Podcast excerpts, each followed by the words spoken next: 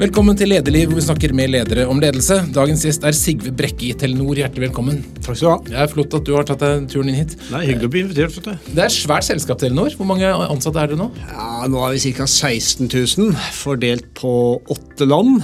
Eh, og så har vi ca. 200 millioner kunder. Og så tror jeg vi har sånn rimelig oversikt over hva du holdt på med i Norge, men dere gjør veldig mye i Asia. Forrige uke var det nyheter om at dere har gjort en fusjon i Thailand, og så var det en fusjon i Malaysia. For, hvor, for vi som ikke er så tett på, hva er status for den store globale satsingen deres? Ja, Først hvor vi er Nå. Nå er vi alle de fire nordiske. Eh, eh, og i Sverige så er vi vel nummer ja, to eller tre. I Danmark så er vi nummer to. Finland så er vi også nummer to eller tre. Så det er liksom, Vi har dekket hele Norden. Og så er vi da i Bangladesh. Det er faktisk det største markedet vårt. Der har vi 83 millioner kunder. Wow. og så har vi ca. 55 millioner kunder i Pakistan. Og så har vi nettopp, som du sa, gjennomført to fusjoner. En i, eh, i Malaysia eh, og en i Thailand. Det er jo kjempestore selskaper. I Malaysia så snakker vi om rundt 20 millioner kunder. Eh, det er på børs der, har en børsverdi på rundt 100, ja, 100 milliarder kroner, tenker jeg. Mm. Og i Thailand er det litt større, 55 millioner kunder i det selskapet som vi nettopp har fusjonert inn. Så i sum, hvor mange kunder er det som si, har helt eller delvis Telenor som ja, 200 millioner, Ca. 210 millioner. Fantastisk. Ja. Men, men, noen ganger så har vi lest om gevinst, noen ganger har vi lest om tap. Eh, hvis man ser dette utenlandseventyret totalt sett, har det vært en vellykket satsing å bli et stort globalt selskap? Jeg gjorde akkurat et regnestykke på det, faktisk, i forbindelse med at vi, at vi annonserte den fusjonen som vi eh, nå har gjort i Thailand. Og vi har jo vært i Asia i nå i ja, 25 år. Og da er det røftlig så har vi investert ca. 65 milliarder norske kroner. Det er da investert i for å komme oss inn og i nettverk osv. Så, så har vi tatt hjem ca. 65 milliarder, altså samme summen, ja. i utbytte. Så, så, investeringen er nulla ut med, med utbytte. Og så er den nåværende verdien, dette er jo børsnoterte selskaper, tre av dem, er på ca. 95-100 milliarder. Så det er den verdien du kan si vi har skapt da, i Asia. Så bra. Og du er da, dere er eid sånn røftlig 65% av staten, er det det? Nei, 54. 54, ja. men, men, det vil jeg i hvert fall si da at det er eh, over 50 milliarder kroner som har kommet til fellesskapet? da? Det er det, vet du. Fantastisk. Ja. Så gir verdi. Så det har, sånn vært, det har, vært, en bra reise, det. altså. Alle altså, Utenlandsinvesteringer har vært en bra reise. Så har vi gjort, uh, gjort noen ting som ikke har vært så bra. India f.eks. ett av dem. Og Det som kanskje har vært aller tøffest, er at vi måtte også gå ut av Myanmar. Eh, det gjorde vi jo i fjor. Det var jo en kjempelønnsom investering, men pga. militærkuppet så var det ikke mulig å stå der lenger. Og Russland kom dere ut i tide? Russland kom oss ut av tide, ja. Vi var jo flere østeuropeiske land. Ja. Vi har solgt oss ut av, av, eh, Ukraina. Der var vi faktisk helt fram til 2019. Ja. Eh, så har vi vært i Bulgaria, vi har vært i Serbia, vært i Montenegro, vært i Ungarn. Ja, vi har vært i mange steder. Og så har vi på en måte, etter at vi da har gjort, bygd opp mobilvirksomheten, så har vi fire tidspunkter der vi selger oss ut av, og så satser vi på nye ting. Hva er planen nå? Skal dere inn i nye land? Nei, Nå er planen også å videreutvikle det vi har. Det er, er plan én. Og så er Det sånn at eh, det vi egentlig har drevet med i 20-25 år, eller 30 år, det er jo på en måte å gi folk mobiltelefon for første gang. Det var det vi gjorde for, i Norge for mange mange år siden. Mm. Og så har vi tatt den modellen og så har vi rullet det da ut i markedet som ikke hadde kommet så langt. Og det har jo vært en kjempebusiness. Det har, jo det har vært en kjempevekstbusiness. Nå har jo mer eller mindre alle en mobiltelefon, så nå må vi forberede oss på de neste 20 åra. Og det er jo i veldig stor grad et digitalt skifte og en digital forretningsmodell. Og det er det vi forbereder oss, på nå i de markedene som vi er. Når du er ute og snakker med folk, har du inntrykk av at nordmenn flest har oppfattet alt det dere har gjort utenlands? Nei, det, det, er jo stort sett de gangene det ikke har gått så bra, da. At det, at det blir trukket fram i norske medier. Eh, så suksessstoryene har jo ikke vært eh, like kjent. Men eh, noen følger jo godt med oss på det. Andre er jo mer opptatt av at vi er bare i Norge, og er en operatør som de da bruker i Norge. Mm. Hvis vi ser litt på løypa di frem til den toppstillingen som du har nå. Er det sånn at du er odelsgutt? Odelsgutt. Født på en liten bondegård oppe i Numedal, oppe i Nordre Uvdal. Hva drev dere med der? Nei, Der drev vi med sau. Og Meningen var jo at de skulle overta den gården. Ja. Så etter at jeg var ferdig på ungdomsskolen, så var det skogbruksskole. Eh, og så eh, etter det så tok jeg resten av eh, artium, altså eh, videregående fag. Og så har jeg en bror som er halvannet år yngre. Så da vi var sånn rundt 20-21 år, så fant vi ut at la oss prøve dette her og, og, og drive gården sammen. Og så tok det ikke så lang tid før jeg skjønte at han har bedre, bedre hånd på det, og jeg burde gjøre noe annet. Så han driver i dag gården, og jeg fant på noe annet. Var det et godt valg? Ja, det tror jeg var et riktig valg både for meg og han, og ikke minst for gården. men, eh, men, du kom jo da etter hvert inn i, altså, i ledelse. Du, ble, du, fikk lederverv i AUF Arbeiderpartiet. Men var det, hva var aller første gangen du husker at du hadde lederansvar for noe? Nei, Det første lederansvaret var når jeg ble, eh, jeg ble, jeg eh, ble veldig tidlig engasjert i politikk, egentlig. Jeg kom inn i kommunestyret når jeg var ja, 19 år. Mm. Eh, og ble engasjert egentlig i politisk arbeid, men også i, eh, i frivillig ungdomsarbeid. Jeg var i idrettslag, jeg var i ungdomslag osv. Så, videre. så jeg, veldig tidlig så, så jeg det at det å, å, drive med ledelse og det å drive med å skape ting, det var noe som lå for meg. Hva var det du likte ved det? Nei, Det var egentlig det å skape ting. Eh, og, og, det har egentlig drevet meg hele karrieren. Det å forsøke å gjøre en forskjell. Og veldig ofte en forskjell da i forhold til eh, ja, altså noe, som, noe, som, var til fordel for folk. Eh, og det har drevet meg hele min Telenor-karriere også. og derfor så er jo vi har jo det vi kaller en purpose, eller et formål, som, som dreier seg om hvis På engelsk sier vi 'empowering societies', altså vi ønsker å gjøre en forskjell i de samfunnene vi er. I tillegg til en penger. og det, det har liksom vært en drivkraft hele veien. Men når du kom inn i politikken, hva slags saker var det som engasjerte deg da? Nei, Jeg kom inn da jeg var 19 år, da, så da var det jo ungdomssaker i bygda.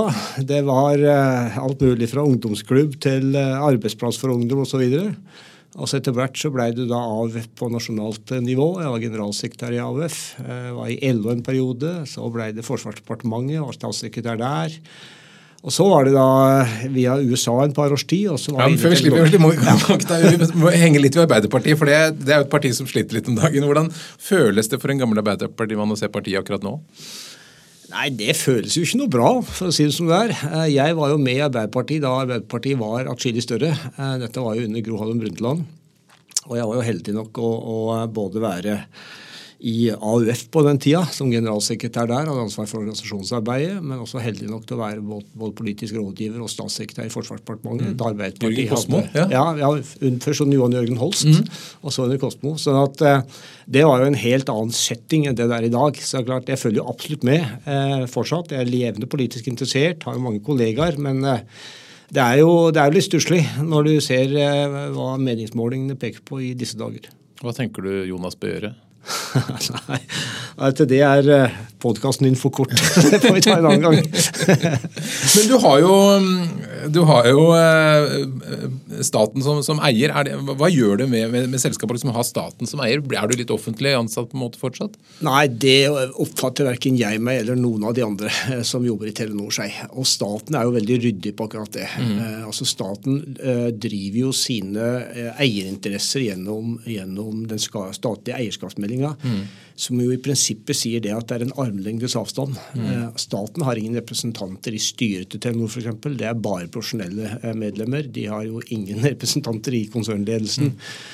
Og de, de beha vi behandler jo dem som selskap på samme måten som det vi behandler våre andre aksjonærer, mm. selv om de da har en 54 eierandel. Så der er staten veldig profesjonell. Eh, når det er sagt, så, så, er det jo noen fordeler også med statlig eierskap. Det gir stabilitet. Eh, og det er klart Mye av det vi har gjort i utlandet, har jo staten vært med på. Eh, og dekka som da, som da den største aksjonær. Mm. Nå sporet jeg litt av fra, bakgrunnen. Det var, det var min feil. For det, du, Etter at du var ferdig med, med Forsvarsdepartementet, sånn, så, så, dro du til USA og studerte. Ja. Og, og, Det skjønte jeg var et opphold som påvirket deg veldig mye? Ja, det var det. Altså Først reiste jeg over for studere, ikke for å studere som student, men for å studere amerikansk forsvar og sikkerhetspolitikk. Så jeg var så heldig å få et opphold på et amerikansk universitet eh, der jeg kunne sitte sammen med dem som drev forskning rett og slett på, på utenrikspolitiske spørsmål. Så det var jo en, det var en, et ønske jeg hadde for å på en måte skjønne ting eh, mer sett fra et amerikansk perspektiv. Og så Et år etterpå så, så, var jeg da så heldig å komme inn på et uh, sånn masterstudie. Uh, så, og Da valgte jeg å fokusere på ting jeg ikke kunne noe særlig om. Uh, det var finans, det var mikro- og makroøkonomi, og, og, litt tilfeldig så var det også Asia. Mm -hmm. Så jeg tok kurs i asiatisk økonomi, asiatisk eh, business government relations og en del sånne ting. Eh, og det var egentlig det som gjorde at jeg kom inn i Telenor etterpå. Men lå det da en tanke bak at du hadde lyst til å jobbe i Asia? Nei, nei det, det, var rett og slett nysgjerrighet. Ja. Nysgjerrighet for å skjønne USA, men også nysgjerrighet for å skjønne det asiatiske kontinentet. Så du visste ikke da at det skulle bli starten på et langt kapittel i Asia? Absolutt ikke. For så kom du til Telenor, og så ble det ganske raskt Asia for Telenor? Ja, og dette var jo da da Telenor hadde begynt med utenlandsinvesteringer, som, som vi nevnte i stad, også i Øst-Europa. For du kom dit i noe- 98? Ja.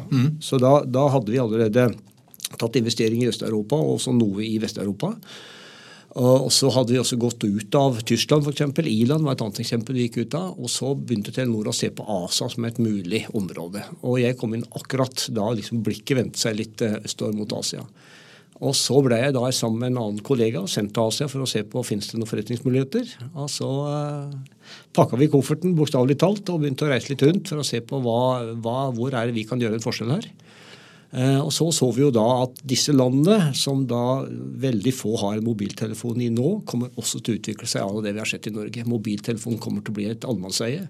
Og da var jo det en bet som ble tatt. Ja, la oss rulle. Kom inn her nå på et tidlig tidspunkt, og la oss være med på den reisen der. Så Hvordan angrep det? Altså, Asia kjemper seg kontinent. ja, Strategien var ganske enkel. Den var at vi skulle unngå de kjempestore landene.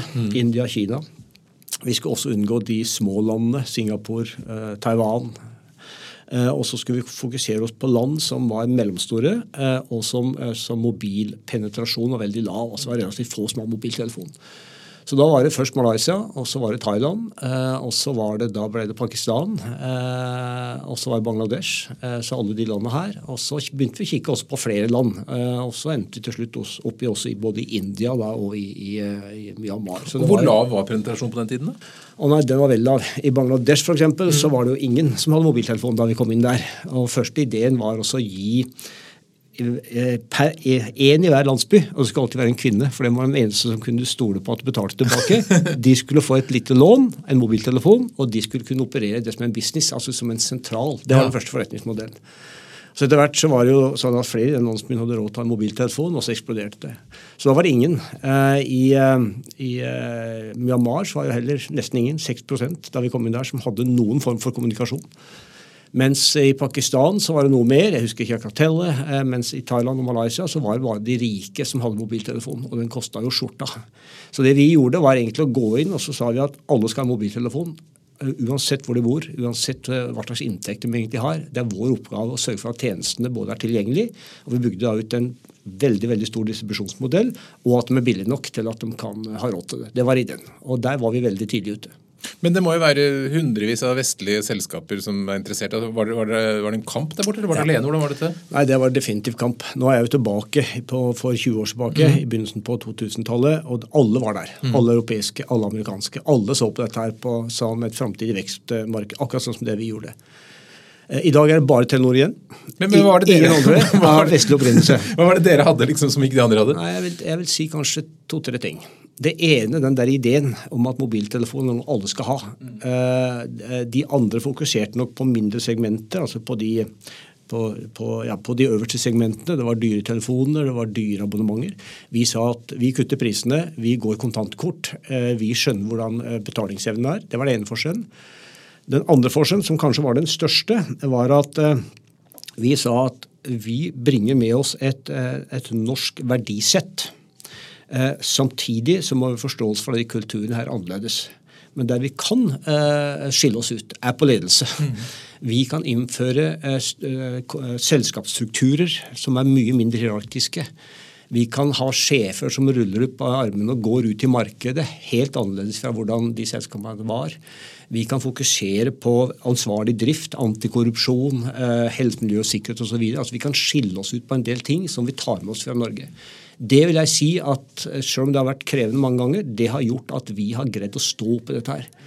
Og det siste var kanskje også at vi brukte veldig mye tid på å skjønne samfunnet. Altså, og tilbake til det jeg sa med vår purpose, altså empowering societies, kom fra der. At det in the end of the day så er det en utlending, og hvis det eneste du gjør er å tjene penger og sende dem hjem til Norge, så kommer du ikke til å kunne greie å stå i disse landene her over tid. Men hvis du ser, blir sett på som en, en, en samfunnsaktør som faktisk er med å gjøre en forskjell, bygger samfunnet, eh, så, så vil du kunne greie det. Så de to tingene her, eh, de, det gjorde vi veldig tidlig og bestemte oss for at det skulle vi gjøre. Og det er også det som egentlig er grunnen til at vi har greid å være der i så mange år, og også verdimessig eh, skapt, skapt mye verdier.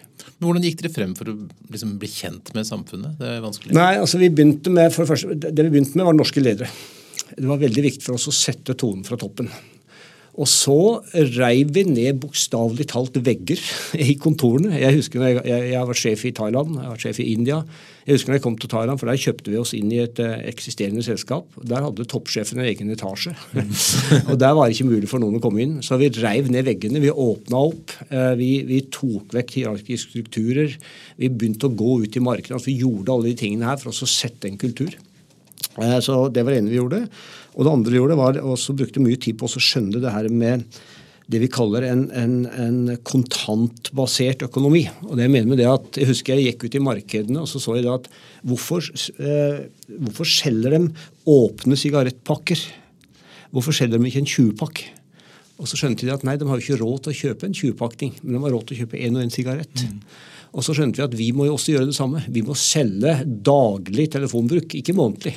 Vi må bryte ned Facebook, sånn at du kan bruke én times Facebook, for du har råd til det. Ikke dyre pakker. Altså, og så skjønte vi den logikken der. Og så var det med på at vi da faktisk greide å bygge opp en businessmodell som etter hvert ble veldig lønnsomt, og ikke minst som folk hadde råd til da å betale for. Men hvordan var reaksjonen blant de lokale når dere kom, og, kom med helt ny ledelsesfilosofi? Nei, altså den der Vår ledelsesfilosofi, den, Først var det mange som reagerte på den.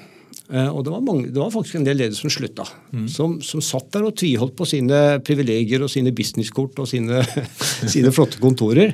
Eh, men etter hvert så, så, skjønte vi jo det, er kanskje en av de tingene som vi har lært etter å ha jobba både i ja, USA og Norge, Singapore har jeg bodd, Thailand, eh, India, at i, in the end of the day så er folk folk, som jeg kaller det. Hvis du ser på tvers av kulturer, så det alle liker det å bli respektert. Alle liker å bli sett. Alle liker å bli tatt hensyn til. Og, og når du på en måte etter hvert begynte å, å, gjøre det som det vi gjør i Norge, altså behandle Per og Pål på samme måten, så skapte det i seg sjøl et vanvittig engasjement på tvers av alle disse kulturene. Så det var liksom å ta bort all den der staffasjen, mm. eh, og isteden snakke til folks hjerter og snakke til hvordan folk egentlig er. Folk Men innledningsvis må det ha vært et sjokk for dem? Ja, det var et sjokk. Og det tok tid. Definitivt. Uh, og Det var derfor vi hadde bare norske ledere til å begynne med. Mm. Etter hvert så har vi jo da trent også uh, ledere fra andre land. Så vi, vi, tok liksom steg og slapp til dansker og svensker. Mm. uh, og etter hvert, og nå i, i, dag så er jo mye asiatiske ledere vi har. Men dem har alle vært, allerede vært trent i systemet. Vært innom Fornebu en tur. Lært seg liksom hvordan den norske ledelsesfilosofien er. og Det, det her er litt interessant, for, for, det er noe vi har i vår lederfilosofi som faktisk virker på tvers av kulturer. Det er i hvert fall min erfaring. Du lanserte noe som het Sigves Way. Noen læresetninger om ledelse. Hva ligger i dem? Nei, Det går jo mye på det jeg snakker om nå. Mm. Det går, går på, altså Ina, Vi har jo også fire verdier i Telenor. Og en av de verdiene er 'be respectful'. Altså det er å respektere hverandre. Respektere på tvers av hierarkier, respektere på tvers av kulturer, på tvers av, av, av aldersgrupperinger. Mangefold. altså Alt det som ligger i det, var, var jo en av de tingene vi snakka veldig mye om, og som jeg, jeg jeg snakka om som inkluderende ledelse. altså Det å få folk med seg, og det å bygge da disse mangefoldkulturene. Og egentlig snakke mer til folks hjerte enn til folks uh, hva skal jeg si, uh, rasjonelle huet. da, mm. altså Skape de her kulturene. Og det er vel, du, Hvis du snakker med folk i Telenor i dag, både her i Norge, men også i Bangladesh, så vil mange av dem vil nok si at, at Telenor for meg er mer enn en arbeidsgiver. Altså det, er, det, er, en plass, det er en kultur, det er, et, det er et sted, det er en opplevelse. Og de tingene her det brukte vi veldig mye tid på å utvikle. Er visjon og verdier viktige verktøy for deg i ledelse? Ja, det er det. Eh, og vi bruker masse tid. Eh, altså, vi er jo engelskspråklige, så, så vår, vår, visjon da er jo, eh, som jeg sa, um, 'empowering societies'. Og, og, mange, mange på tvers av hvor, Samme hvor du er i Telenor, føler at altså, vi er med og gjør en forskjell. Og for Da vi var i, i, Myanmar og vi var med på å åpne et land som hadde vært, hatt militærdiktatur i 50 år, så var det mange på Fornebu som, som, som smelta litt når de snakka om det. Og så er det jo 'connecting you to what matter most'. Altså Jeg er veldig klar på hva som er vår businessmodell. Dette gjentar vi gang etter gang etter gang. Og så har vi fire da verdier. Eh, og det er, som jeg sa, 'be respectful'. Det er keep promises. og Det det dreier seg om, er at du skal alltid gjøre hva du sier. Eh, du skal alltid levere på det, de måla som er satt. Så er det Always Explore, som på en måte er innovasjonsbiten av det. Og så er Create Together. Og det siste går jo på samarbeid. Team, teambaserte ting. Disse tingene her snakker vi mye om, og jeg bruker det veldig veldig systematisk i både rekruttering og i, eh, i evaluering av ledere. Blir ikke folk luta lei av å høre om det? Nei, det blir ikke det. Jeg tror tvert imot de syns de er stolte mm. rundt det. Eh, og, og vi bruker nok Vi bruker mye tid, Jeg bruker veldig mye tid på det å, å utvikle ledere. Altså vi, vi, har et system der alle våre toppledere, eh, og det er da på tvers av alle landa, de er inne i noe som heter eh, Top Management Arena. Eh, og for å komme inn der, eh, hvis du skal rekrutteres inn der, så blir du intervjuet av meg. Mm.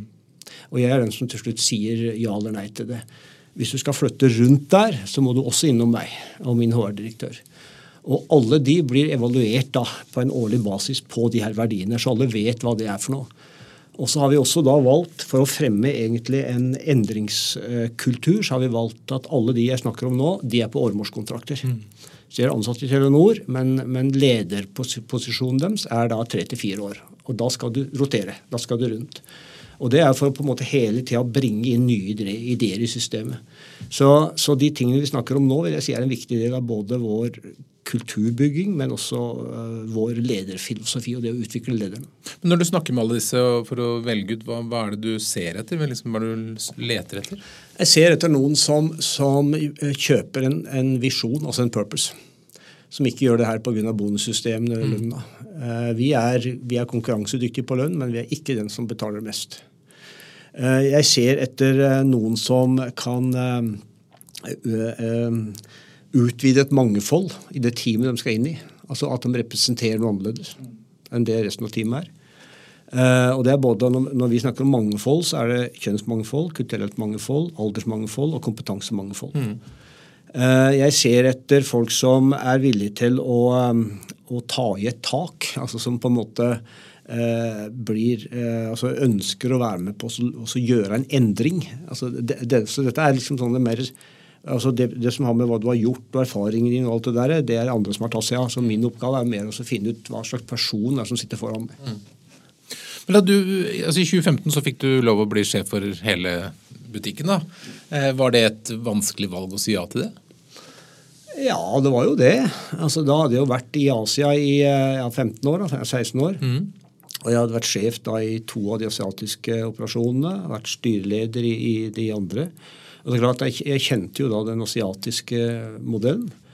Og, og, jeg var jo veldig hands on. og Jeg likte jo liksom det å være veldig tett på driften i disse mobiloperasjonene. Mm. Um, og jeg visste jo det at jeg ble konsernsjef. Da, da er du et stykke unna. Uh, da, da, sitter du ikke så tett på kunden, som på en måte var noe jeg hadde drevet med i 15-16 år. Og så er det jo uh, mye byråkrati, det er mye prosesser, det er mye policies, det er styre, det er stakeholder og alt det der. Så, så, det var jo noe tenkt over. Mm. Definitivt. Eh, men så tenkte jeg også det at når jeg da har blitt gitt den muligheten og blitt gitt den tilliten, så, så la meg nå brette opp armene og mm.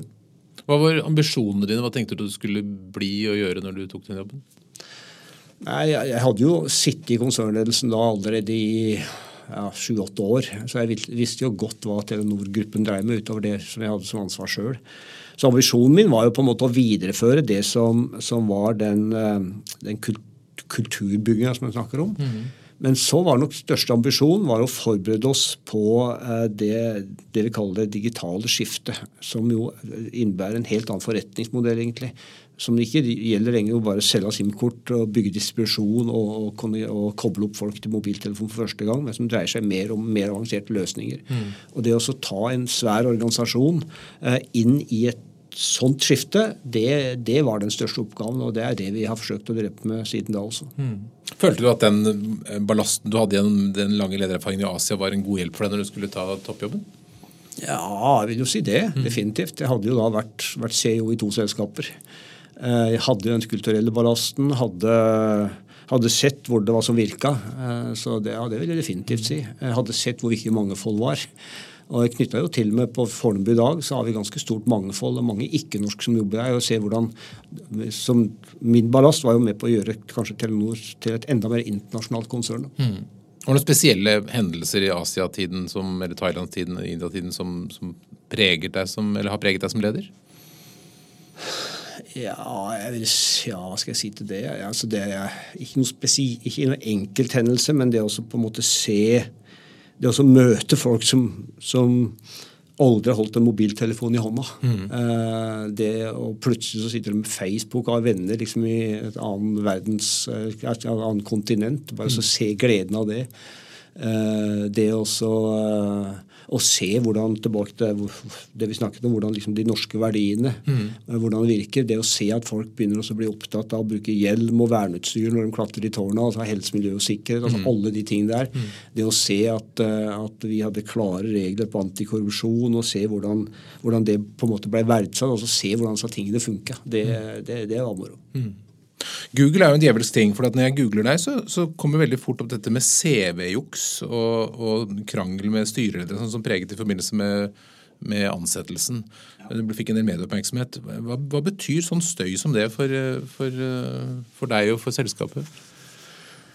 Ja, altså, Når du har en sånn rolle som meg, så må du være villig til å ta kritikk. Mm. Eh, ellers så bør du ikke si ja til en sånn jobb. Eh, og i kritikk så ligger det jo veldig ofte en sannhet. Mm. Så det jeg prøver å gjøre når jeg får kritikken, er egentlig en to-tre ting. Det ene er også, også å lytte og se hva, hva er i det her som jeg skal ta med meg. Mm. Eh, så er det definitivt å lære. Se, er det noe vi kan gjøre når vi går framover? Men så er det også å, å holde hodet litt kaldt. Mm. Eh, det var, før jeg tok jobben, så var det en som sa til meg at du må regne med at i gjennomsnitt så kommer du til å få én krise i halvåret. Mm -hmm. Og ingen av de krisene der kommer du til å være forberedt på. Eh, og det det kommer til å dreie seg om, er at du på en måte mentalt er forberedt på det uforberedte. Men enda viktigere enn det, det er at du greier å, å, å fokusere på hvordan du håndterer den krisen. Mm. Og Han sa også at veldig, veldig ofte så er det ikke krisen i seg sjøl som er det avgjørende, men det er manglende håndtering av krisen som er det avgjørende. Så sørg for at du er i bevegelse, sørg for at du tar initiativer, sørg for at du kommer deg videre. Sørg for at du husker på at selv når du står i kriser, også personlige kriser, eh, som, som, dreier seg om deg sjøl, at, at, du fortsatt har fokus på de ansatte, fortsatt har fokus på kundene, fortsatt har fokus på driften. Så det er liksom det jeg har lært av det. Og så må du på en måte tåle det. Eh, du skal ikke like det, men du må tåle det. Mm. Og Hvis ikke, så, så, kan du ikke ha den type jobb.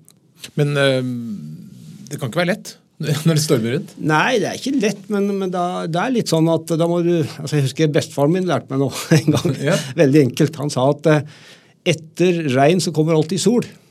Sus på det. Mm -hmm. Så igjen, da, etter en krise, hvis du greier å håndtere den riktig, så kommer sola opp igjen. Altså, du, du, må evne å stå i det, ikke få panikk. Forsøke å gjøre noe med det, og forsøke på en måte å holde hodet klart. Det er mhm. det er eneste, eneste rådet.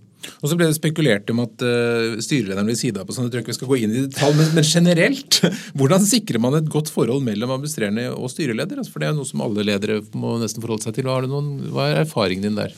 Nei, Det er to ting. ene er bruk tid, bruk mm. tid, bruk tid. Eh, altså dette, var en, dette var en veldig spesiell situasjon. Eh, Gunn Wærsted kom inn som styreleder etter at forrige styreleder ble kastet. Eh, Pga. Eh, en, en korrupsjonssak i VimpelCom, som var et, et eh, østeuropeisk selskap som vi var minoritetsaksjonær i. Så det mm. var, det var masse hendelser rundt det greiene der, så det var på en måte en krise i Telenor som sådan.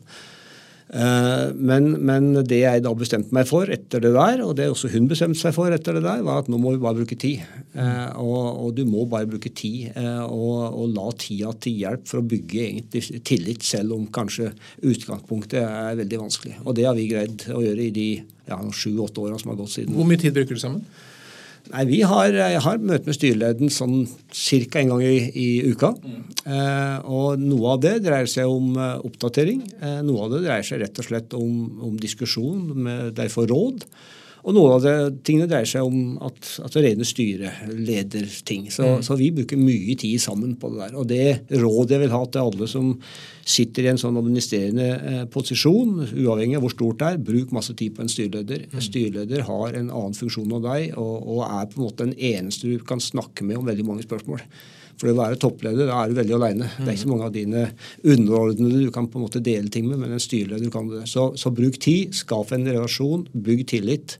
Eh, nesten uavhengig av hvor forskjellig dere måtte være som person, eller hva som måtte ha skjedd forut.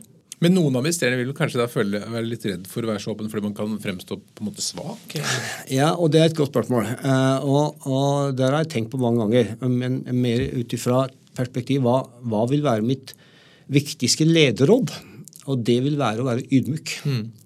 Og det jeg mener med det, det også, det også tørre eh, å noen ganger være den eh, dummeste personen i rommet. Stille de dummeste spørsmålene. det å tørre å, å, omgi seg med folk, altså rekruttere folk som er mye flinkere enn, seg, enn det du er sjøl. Mm. Det å være ydmyk i det å ta andres perspektiver inn, men også være ydmyk i forhold til å, å vise svakhet. Hvis du greier det, mm. Så bygger du en enorm styrke. Og jeg mener at, eh, at, ydmykhet kan være ditt sterkeste kort. Selv om det tilsynelatende kan, kan virke som å vise svakhet, så er det ikke det. Du er jo leder for en virksomhet som, skal, som, ligger langt fremme teknologisk og skal gjøre det. Og Innovasjon er jo helt avgjørende. Hvordan, hvordan skaper man en innovasjonskultur? eller Hvordan skaper du en innovasjonskultur?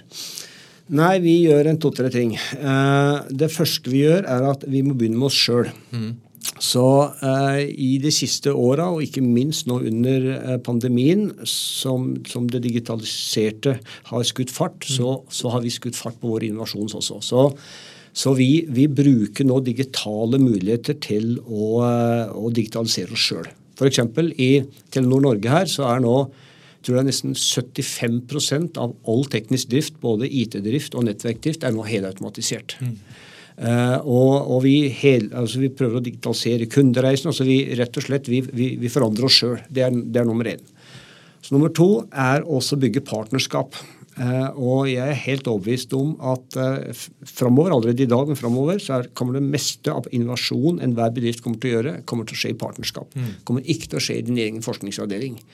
Vi er da heldige at vi har, har størrelse nok med 200 millioner kunder til å kunne bygge strategiske partnerskap med ja, nå har vi med Amazon, vi har med Google. Vi har med Microsoft, vi har med Cisco, altså de mm. store uh, operatørene. og da, da, bruker vi det partnerskapet, altså strategiske partnerskap. Dette, dette, er ikke at vi kjøper tjenester, det er rett og slett at vi, at vi deler erfaring, bruker det til å drive innovasjon. Og så er det det som jeg nevnte i stad, med å bygge en kultur hvor endring uh, er uh, på en måte helt normalt. Og det gjør du bare dersom du, du greier å få folk til å flytte på seg. Eh, dersom du, eh, du, du, har en kontinuerlig endring hvor, hvor du ser at det, det, å endre seg er faktisk noe positivt, selv om det på en måte går imot uh, uh, det første reaksjonen til alle, er at du ønsker å være akkurat sånn som det du er. Mm. Og så har vi satsa også ganske mye på, på det her med det vi kaller et tillitsbasert ledelse. Uh, og det, det, vi snakker om i praksis, vi har sånt, en terminologi på det. Vi snakker om tight, loose, tight. og det er at uh, En tillitsbasert ledelse betyr at du som leder må være mye tightere på hva du ønsker å oppnå. Altså målsettingen du ønsker å oppnå. Det er den første tighten. Loose er at du må da lett la dine medarbeidere gå loose på å finne løsninger, og ikke sitte på, på det som daglig. Mm. Men så må du være tight igjen på oppfølginga. Og Gjennom det så greier du å skape en empowerment og, og, og la på en måte innovasjon skje nede i systemene i de enkelte avdelingene. Veldig ofte så er eh, bedrifter, og også Telenor i mange sammenhenger, tight, tight, tight. altså liksom tight på det skal du gjøre. Vi skal ha tight på hvordan du skal gjøre det, og skal vi ha tight på hva du gjør. Mm. Og Det skaper ikke innovasjon. Og Det siste er det her med opplæring. Eh, I en digital verden så tror jeg alle bedrifter trenger å øke eh, kunnskapsnivået. Vi har valgt å gjøre det på to måter. ene er at jeg har sagt at alle våre 16 000 ansatte skal bruke minst 40 timer arbeidsdagen sin i løpet av et år til å lære seg noe innenfor fire digitale områder. Mm. Og så har vi bonusmål på det, eh, om det faktisk skjer. Vi sier til lederen at du må sørge for at dine ansatte gjør det. Og da, og da løfter vi hele arbeidsstokkens kompetansenivå. Eh, og, og, at alle sammen kan bidra eh, i den innovasjonen. Og så har vi sjølsagt det andre vi gjør, er da eh, mer dybdekompetanse på noen områder. Så summen av det er det vi i hvert fall bruker for å prøve å skape den der endringskulturen og innovasjonskulturen. Men, men du mener at at det, det, um, de største tingene skapes ikke internt. Du kan ikke sette en gjeng, du, må sammen med et eksternt miljø. Ja. ja. det er ikke enten-eller, men det er både òg. Mm. Uh, og vi, vi, vi, vi, har slitt med å skape Hvorfor er det sånn, tror du? Nei, ja, For det første er det veldig vanskelig å skape eh, ideer internt opp imot de kortsiktige prioriteringene. Så vi har også i ganske stor grad uh, splitta ut virksomheter og latt dem leve sitt eget liv, mm. selv om de er en del av Telenor. Rett og slett for å ha fokus på det. Men grunnen til at vi jobber sammen med de store, er jo for å bruke den innovasjonskraften de har. Mm. I en verden som går jo så uendelig mye fortere. Sånn at Ved å gjøre det her internt så vil du både streve med prioriteringene, for det er de kortsiktige resultatene som teller, du vil streve med farten, for du trenger tid til å, også, ja, komme opp og stå. Mm. Og så vil du streve med skalaen.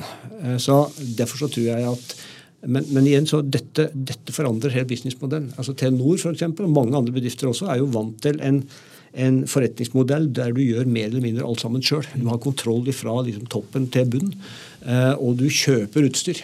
Men det å åpne opp den forretningsmodellen, dele på ting, dele på kunnskap, også, de, også, også, på en måte skape forretningsmodeller som gjør at du deler på inntektsmulighetene når du går til en kunde, det er veldig vanskelig å gjøre. For du tror at du veit best, og du tror at andre bare på en måte er ute etter å male sin egen kake. Så det der er en kulturell endring. Men de som greier det, det er opptatt av vært en forandring. Hvis du går 20 år tilbake, så var det annerledes. ikke sant? Ja, ja. dette har vært en kjempeforandring. Mm. Og vi står fortsatt midt i det. Og, det, og dette, er den, dette, er jo muligheten og trusselen i et digitalt skifte.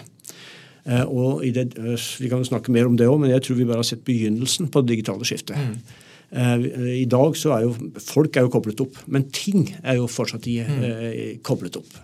Ta et tall på det, så det er ca. 8 milliarder ting som er kobla opp i verden i dag. I 2025 mm. så er spådommen at ca. 80 milliarder ting vil være koblet opp. Og Det er derfor du ser nå at AI kommer for fullt. Eh, både Microsoft og Google og andre satt for det. Ikke for at den teknologien er ny, men for at det nå lages massive datamengder. Så, og dette kommer til å endre hele eh, måten vi tenker på tjeneste- og vareproduksjon. Der ligger det mange muligheter mm. for de som greier å få det der til, men det ligger store trusler for de selskapene som har masse legacy, masse historie, masse strukturer. Mm. Og det å endre sånne gamle selskaper som det Telenor er, er usedvanlig vanskelig. Mm. Uh, men hvis du ikke gjør det, så kommer de her småselskapene, de nye aktørene, de, de på en måte skalerbare software-selskapene kommer til å spise rett inn i det du driver med. Så dette er vi midt oppi nå. Men i en sånn hverdag så kommer jo da enormt mye ideer. Folk som vil gjøre det og det og det. Så, mm. Hvordan klarer du å velge hva dere skal satse på og ikke satse på? Nei, vi, vi, prøver å være veldig tydelige eh, både på hva vi skal drive med. Uh, og det er 'connecting you to what matter most', som jeg sa, som mm. er vår purpose. Uh, og gjennom det så er vi veldig tydelige på hva vi ikke skal drive med. Så når ideer liksom ligger, ligger utenfor det vi kaller liksom kjernevirksomheten, da, eller det som er nær kjernevirksomheten, mm. så er det bare bort med en gang. Uh, og så i andre sammenheng sier at dette kan være en god idé, la oss teste det ut. Da splitter vi det ofte ut og lar dem leve litt sitt eget liv. og Enten så svømmer du, eller så dør du. Uh, og så uh, er det det at vi, Noe av dette her gjøres også i partnerskap. sånn at vi mm. lar andre drive med disse for at vi trenger å prioritere det sjøl. Så det er, liksom, det er summen av de tingene her. Mm. Og Beskriv litt den hverdagen du ser. da, hvis du, Det er selvfølgelig umulig å se 20 år frem, men altså hvis du ser noen år fremover, du har 5G, du har Internett og ting, du har kunstig intelligens, altså, hva, hva blir, hvordan blir hverdagen vår når alt er tilkobla? Uh, eh, det er både en for, forside og en bakside av den medaljen. Uh, forsiden av medaljen er at uh, du som kunde kommer til å oppleve at produkter og tjenester er enda mer til din tilfredsstillelse. Mm måten f.eks. Eh, helsevesenet kommer til å ende seg på, altså at du kan behandles hjemme. Eh, det, det, du ser med apper i dag, altså det, det, bankideen f.eks. er en kjempeinnovasjon. Mm. Eh, at vi har det som en innlogging. Så jeg tror at du kommer til å se at du kommer til å altså bli mye mer effektiv de tingene du bruker som kunde.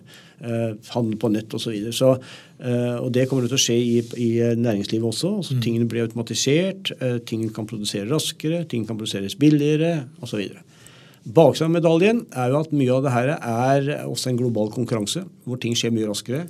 Og hvis du er, liten, så vil du streve. Mm. Eh, vesle Norge blir altfor smått. Derfor er jo vi til stede i alle de fire nordiske landene. Så skala i seg sjøl er ganske viktig. Og det andre er jo alt med sikkerhet å gjøre. Eh, det, det, det, er et område som vi satser mye på, men som, som jo den, alle de tingene som blir koblet opp, og alle de dataene som blir produsert Jeg tror det her med personvern og sikre av nett, sikre av systemer og alt her kommer til å bli bare enda større. og Folk kommer til å bli mye mer opptatt av det. Mm. Dere er jo, Veldig mye av landets nettrafikk går jo via dere. og Dere ser mye forsøk på angrep og, og tull og tøys. Sånn. Er det økende? Blir det verre og verre? Ja, det blir verre og verre. Mm. Og det blir verre og verre på uh, to-tre nivåer. Altså Antall eh, svindelanrop til din mobiltelefon mm. den øker. Mm. Og vi har sett en stor økning de siste to åra. Eh, vi, også, vi ser en stor økning i mer systematisk angrep. Eh, og, og, vi ser ja, Stortinget har vært angrepet to ganger. De har sågar sagt hvilke stater som angriper. altså De statssponsa angrepene er mye vanskeligere. Mm. Eh, og så har du liksom krim, mer globale, altså globale, kriminelle gjenger som kommer til å bruke de her nye systemene på en enda mer raffinert måte. Så, så det her har vi bare sett begynnelsen av, dessverre. Mm. Og nå har vi jo sett eller hørt eh, AI-løsninger som kan etterligne stemmer, og vi, vi, har fått lært at vi ikke skal klikke på lenge. Det kan bli sånn at man blir redd for, redd for å ta telefonen og redd for å klikke på noe som helst etter hvert? Ja, eh, på eh, det rådet mitt på det der er at ikke klikk på en link som kommer på telefonen din. Mm. Den er, Hvis du ikke er helt opplagt hva det er, så er den veldig stor sannsynlighet at den er ondsinna. Uh, vi, vi, har jo filter i vår nett, sånn at det er mange av de tingene som ikke kommer igjennom til deg engang. Men, men du er ganske sårbar. Du, din ID er sårbar for å komme på avveie, og du er jo sårbar for å bli lurt. Så, så men denne svindel må jo kunne, altså det må jo lykkes, hvis ikke så hadde det ikke fortsatt. Ja, ja. Altså Det er kjempebusiness. Mm -hmm. Det er kjempebusiness både med løspengebiten av det, som er, er, mot bedrifter, stort sett, men det er også kjempebusiness det å lure deg som privatkunde. Mm. Så det, dette er jo liksom baksida av det, som, som, vi nå vi, vi, har en ambisjon om å, å være en ledende sikkerhetsaktør i, i Norden for å kunne tilby den type sikkerhetsløsninger. I dag tilbyr vi det til våre egne kunder. Vi tilbyr det til små og mellomstore bedrifter. Og så jobber vi også med jeg tror vi jobber med ca. 100 store både offentlige og private foretak i Norge i dag for å være med å sikre deres systemer. Mm. Men du, du, snakket om skala. Altså, og det, i, i, en del av de asiatiske landene så har dere fusjonert med andre. Sånn. Kan vi se for oss at Telenor også etter, etter hvert kommer til å gå inn i noe større? Telenor som gruppe, mener du? Mm. Eller er det store nok? Nei, vi, vi, jobber jo systematisk med både å bygge skala i de markedene som vi er, og så jobber vi med å jobbe, bygge skala gjennom de her partnerskapene, globale partnerskapene, som jeg, som jeg sa. Mm.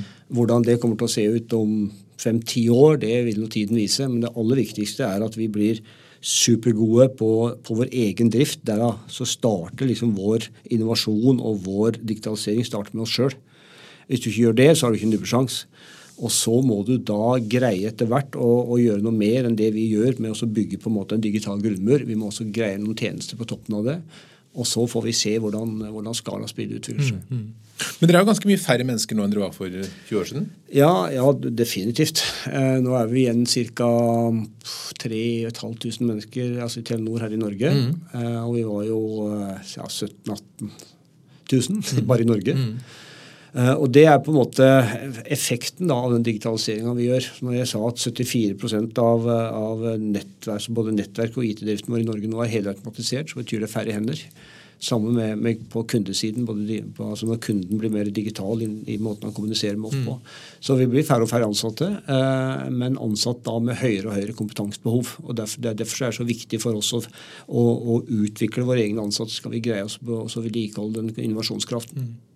Men det betyr jo da at omstilling og delvis nedbemanning er på en måte daglig business? Eller? Ja, det, og, det, og det, er, det, er, litt tilbake til det vi snakket om. Og det, det kommer det til å bli. Mm. Eh, altså jeg pleier å si at det eneste konstante er uh, omstilling.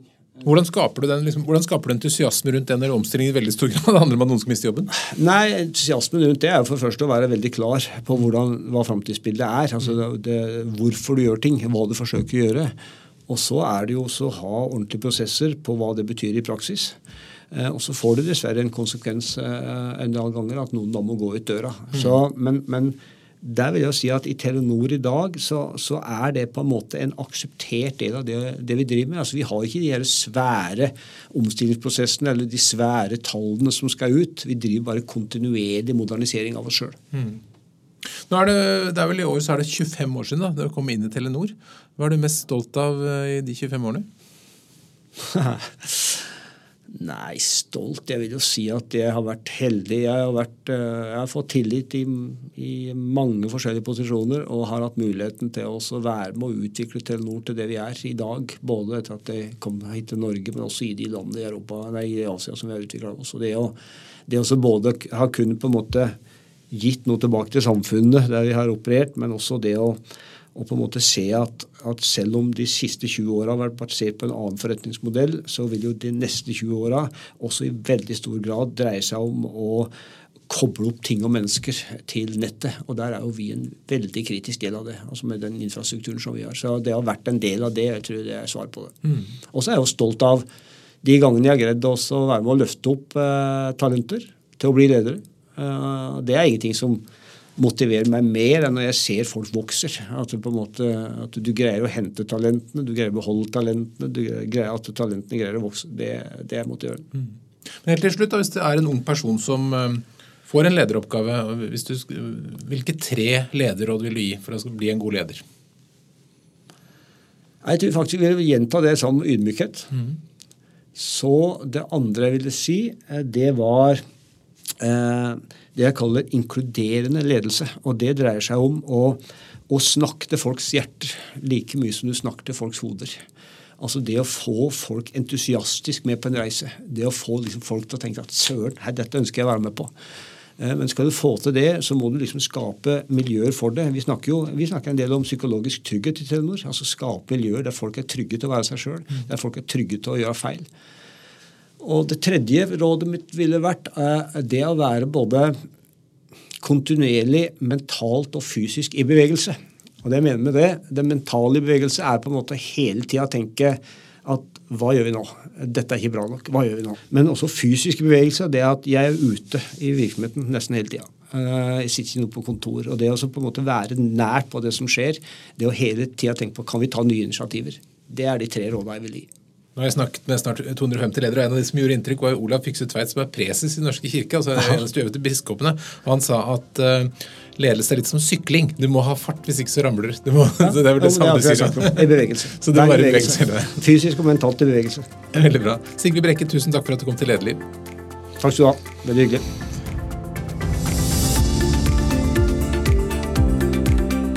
Lederliv er en podkast fra kommunikasjonsbyrået Apeland. I redaksjonen er Ingrid Hogneland, Lars Volden, Lars Jarle Melum og meg, som heter Ole Kristian Apeland. Og hvis du har noen innspill til oss, tips om ledere, ros, ris, kjeft, hva som helst, så send gjerne en e-post til oleatapeland.no. Takk for at du lyttet på Lederliv.